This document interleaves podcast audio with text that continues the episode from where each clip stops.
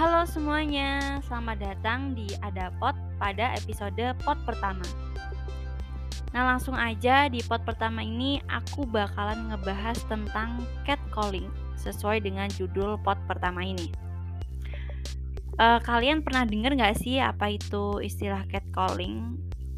Catcalling atau kalian tuh uh, sempet denger catcalling cuman belum tahu banget nih tentang catcalling dan bentuk catcalling itu sendiri. Soalnya tuh kayaknya uh, setahu aku istilah catcalling itu sempet apa ya sempet menjadi bahasan yang cukup cukup rame di media sosial itu di tahun kemarin apa ya kalau nggak hmm, bulan-bulan hmm, kemarin udah agak lama jadi ya untuk kalian yang uh, udah sempet denger kata catcalling cuman kok belum tahu ya catcalling itu tuh kayak gimana, bentuknya tuh uh, uh, apa, bentuknya tuh gimana, apa aja gitu. Di sini aku bakalan ngeje ngejelasin mengenai catcalling itu. Baiklah, sebenarnya pada dasarnya catcalling itu merupakan sebuah istilah atau suatu yang merujuk pada bentuk verbal tapi perbuatan ini itu tergolong ke kategori pelecehan seksual gitu. Contoh perbuatannya itu seperti siulan atau komentar-komentar yang bertujuan untuk mencari perhatian si korban. Yang di dalam komentar atau lontaran pelaku itu ada unsur-unsur yang mengarah kepada ketidaksenonohan yang ditujukan untuk si korban gitu. Nah, biasanya catcalling itu tuh terjadi di tempat-tempat umum atau tempat publik. Spesifik tempatnya tuh kayak di jalan raya, di trotoar, di warung-warung pinggir jalan, atau tempat nongkrong-nongkrong mungkin. Bisa juga di halte dan tempat publik lainnya. Banyak banget sebenarnya, banyak banget. Dan pelakunya itu biasanya orang asing atau orang yang tidak saling kenal gitu, tidak saling mengenal satu sama lain gitu. Biasanya. Oke, di sini aku bakalan kasih gambaran gambaran lebih jelasnya agar kalian nih bisa punya punya gambaran mengenai perbuatan catcalling itu kayak gimana sih gitu. Oke, jadi catcalling itu kayak kalau kita nih baru jalan nih sendirian gitu misal. Terus ada segerombolan abang-abang lagi nongki nih di warung misalnya. Terus pas kamu lewat si abang-abang itu ngesiul-siulin kamu kayak piwit-piwit gitu-gitu. Atau kalau enggak mereka godain kamu gini cantik mau ke mana? Mau abang nganterin enggak? gitu atau biasanya lagi pas kamu udah pasang muka jutek atau emang tipikal muka kamu tuh jutek nih terus kamu nggak sengaja lewat jalan yang banyak gerombolan abang-abang terus tetap aja tuh mereka godain kayak bilang Neng senyum dong Neng. Kasih muka cantiknya dong. Nah yang kayak begitu loh guys. Itu dinamain catcalling oke Sampai di sini kalian udah punya gambaran dong mengenai bentuk catcalling secara verbal. Itu kayak gimana? Lalu pertanyaannya, apakah catcalling itu hanya dalam bentuk verbal aja atau ada bentuk uh, lainnya? Karena uh, kalau setahu aku emang yang ada di maksudnya yang setahu aku gitu loh, uh, catcalling itu ya secara verbal yang kayak contoh di atas tadi kayak siulan atau komentar-komentar yang nggak senonoh itu tadi. Tapi nih tapi ternyata uh, catcalling itu ada bentuk non verbalnya juga guys. Aku juga baru tahu ini setelah aku baca artikel. Hmm, oh ya FYI aja guys sebelumnya aku udah baca-baca artikel dulu dan sumber-sumber lain mengenai catcalling ini sebelum bahas di sini. Ya semoga aja yang aku bakalan sampaikan di sini tepat dan kalian bisa paham yang bakalan aku sampaikan di podcast ini. Pada dasarnya aku juga masih belajar. Kita sama-sama masih belajar lah kita ya. Jadi boleh banget kalian mengoreksi aku kalau ada kata yang kurang tepat dalam aku menyampaikannya, bisa banget DM aku di IG aku, Anggundila underscore.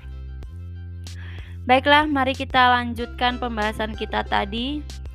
Jadi dari artikel yang aku baca itu memberitahu bahwa catcalling ternyata tidak hanya dalam bentuk verbal aja nih, tapi ada juga nonverbalnya atau ekspresi nonverbal gitu. Contohnya seperti pelaku memberikan lirikan atau pandangan mata yang berlebihan. Berlebihan gimana tuh maksudnya? Misalnya gini, ada seseorang atau kita sebut pelaku aja gitu ya yang memandang si korban itu dari ujung kaki hingga ujung kepala. Dan kesannya itu si pelaku terlalu terlalu ngeseken banget si tubuh korban gitu loh. Dan memandangnya pun kayak nggak biasa gitu loh, kayak ada nuansa-nuansa pandangan yang yang tidak senonoh gitu loh. Kalian paham kan maksud aku? Pandangan-pandangan yang tidak senonoh itu. Nah, hal tersebut tuh sudah termasuk ke dalam pelecehan seksual Kenapa? Karena bisa saja hal tersebut itu membuat yang dipandang ini tuh tidak nyaman atau merasa risih katakanlah. Dan eh, setahu aku kebanyakan yang menjadi korban itu perempuan. Kebanyakan perempuan dan dari banyak sumber yang mengatakan pun eh, kebanyakan yang jadi korban itu perempuan. Meskipun tidak menutup kemungkinan laki-laki juga bisa menjadi korban. Cuman perempuan itu lebih apa ya? Lebih banyak gitu yang menjadi korban dalam hal-hal seperti ini. Karena e, dari menurut hasil survei pelecehan seksual di ruang publik pun itu mengatakan bahwa dengan presentase sebanyak 64% dari 38.766 perempuan, 11% dari 23.403 laki-laki, dan 69% dari 45 gender lainnya pernah mengalami pelecehan seksual di ruang publik. Korban kebanyakan mengaku bahwa mereka pernah mengalami pelecehan yang diterima secara verbal yaitu komentar atas tubuh sebanyak 60%, fisik seperti disentuh sebanyak 24%, dan visual contohnya seperti main mata itu sebanyak 15%. Dan survei persentase tersebut aku dapat dari artikel yang aku baca dan di situ tertera sumbernya dari survei pelecehan seksual di ruang publik. Wah, gila ya ternyata tanpa disadari masih banyak banget pelecehan-pelecehan seperti ini tuh masih aja terjadi di negara kita. Dan pertanyaannya tuh kenapa selalu paling banyak itu korbannya perempuan? Bisa dilihatkan dari presentase presentase tadi paling banyak itu perempuan. Kenapa korbannya kok paling banyak perempuan? Karena ya memang hal ini itu akibat dari adanya sistem atau budaya patriarki yang sudah terlanjur mengakar di negara kita gitu. Di mana laki-laki itu uh, condong lebih mendominasi dan merasa powernya itu lebih gede gitu loh ketimbang si perempuan. Dan di sistem patriarki ini tuh memandang perempuan itu adalah makhluk yang lemah dan seakan-akan gak berdaya gitu loh. Jadi ya akibat dari budaya patriarki yang gak baik ini gak heran lagi. Kebanyakan yang jadi pelaku itu laki-laki dan korbannya itu perempuan. Ya walaupun begitu sebaliknya juga bisa terjadi. Cuman yang sering banget uh, kita dengar dan uh, sering banget eh, kasus-kasus uh, kayak gini kan kebanyakan perempuan yang jadi korban gitu. Yaitu gara-gara ini budaya patriarki yang sudah terlanjur mengakar.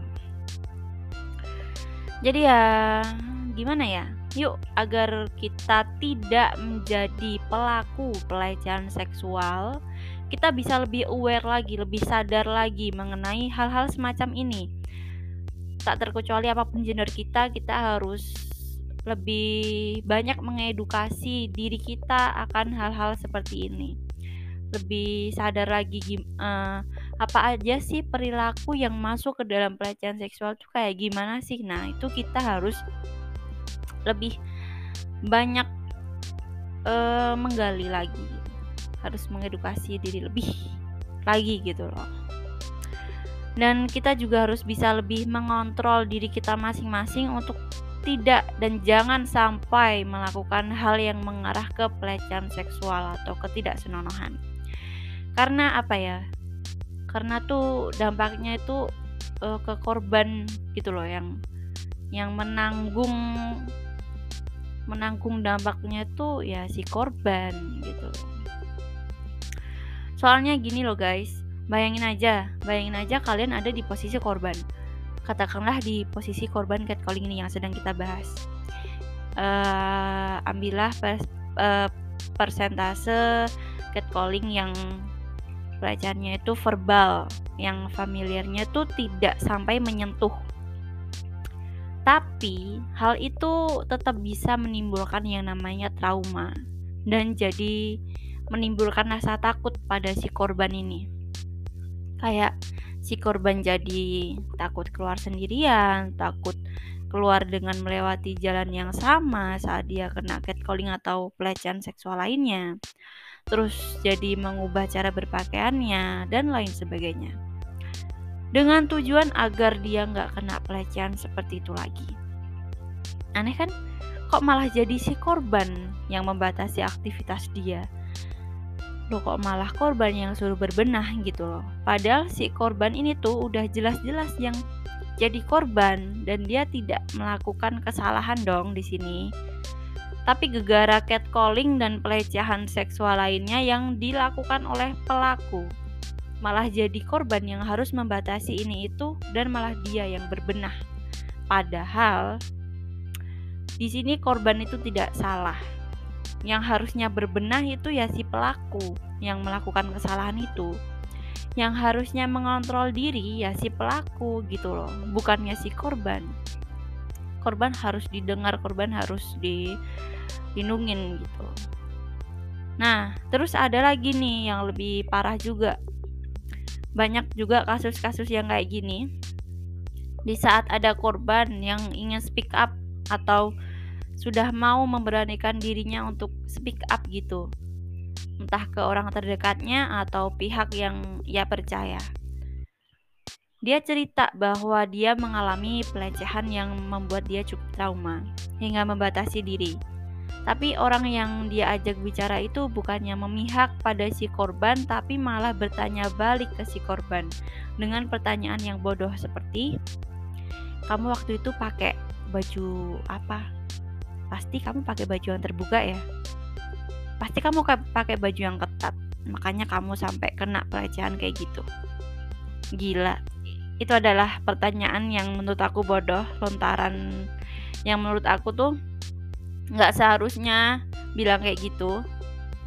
Bukannya dia pihak bukannya dia memihak ke korban kok malah nyalahin korban juga gitu. Padahal di sini korban tuh uh, butuh didengar dan butuh bantuan gitu. Jadi ya nggak salah lagi banyak survei yang bilang kebanyakan korban pelecehan itu takut ngomong, takut speak up. Ya gimana nggak takut pas dia berani speak up aja masih banyak yang balik nyalahin korban dan malah korban yang dicap nggak baik gitu loh. Padahal yang melakukan pelecehan dan kesalahan itu kan sudah jelas pelaku. Dan di sini posisinya korban tidak salah. Gitu. Baiklah, balik lagi ke catcalling. Untuk orang-orang yang masih menganggap catcalling itu sebatas cuma bercanda, itu salah besar banget. Salah besar. Karena catcalling itu bukan sebuah candaan, bukan sebuah main-main aja. Jadi ya untuk yang udah tahu bahwa catcalling itu bukan candaan jangan sampai melakukan hal tersebut. Jangan melakukan catcalling. Dan untuk yang baru tahu hari ini bahwa tindakan seperti bersiul ataupun melontarkan komentar-komentar tidak senonoh pada orang yang uh, tidak saling kenal itu adalah catcalling. Dan setelah dipikir-pikir kok pernah ya jadi pelaku pas dulu belum mengerti tentang catcalling, belum mengerti bahwa tindakan itu tuh termasuk ke catcalling dan masuk ke dalam kategori pelecehan seksual. Nah, again ku ingetin jangan ngelakuin itu lagi karena tindakan itu masuk ke perilaku pelecehan seksual. Dan itu adalah tindakan yang seharusnya tidak dilakukan oleh siapa pun. Oke? Okay? Oke, sepertinya sudah panjang lebar aku ngomong di podcast ini sampai tenggorokan saya kering. Tapi untuk uh, belajar bersama tidaklah apa, tidaklah mengapa. Jadi ya semoga kalian dengerin sampai akhir biar tidak terjadi kesalahpahaman dan semoga mudah dimengerti lalu setelah tahu ilmu baru jadi lebih aware lagi dan dibarengi dengan tindakan yang lebih baik lagi. Dan mohon maaf jika ada salah kata atau kata-kata yang keserimpet. mohon maaf. Sampai bertemu di episode pot selanjutnya. Dadah.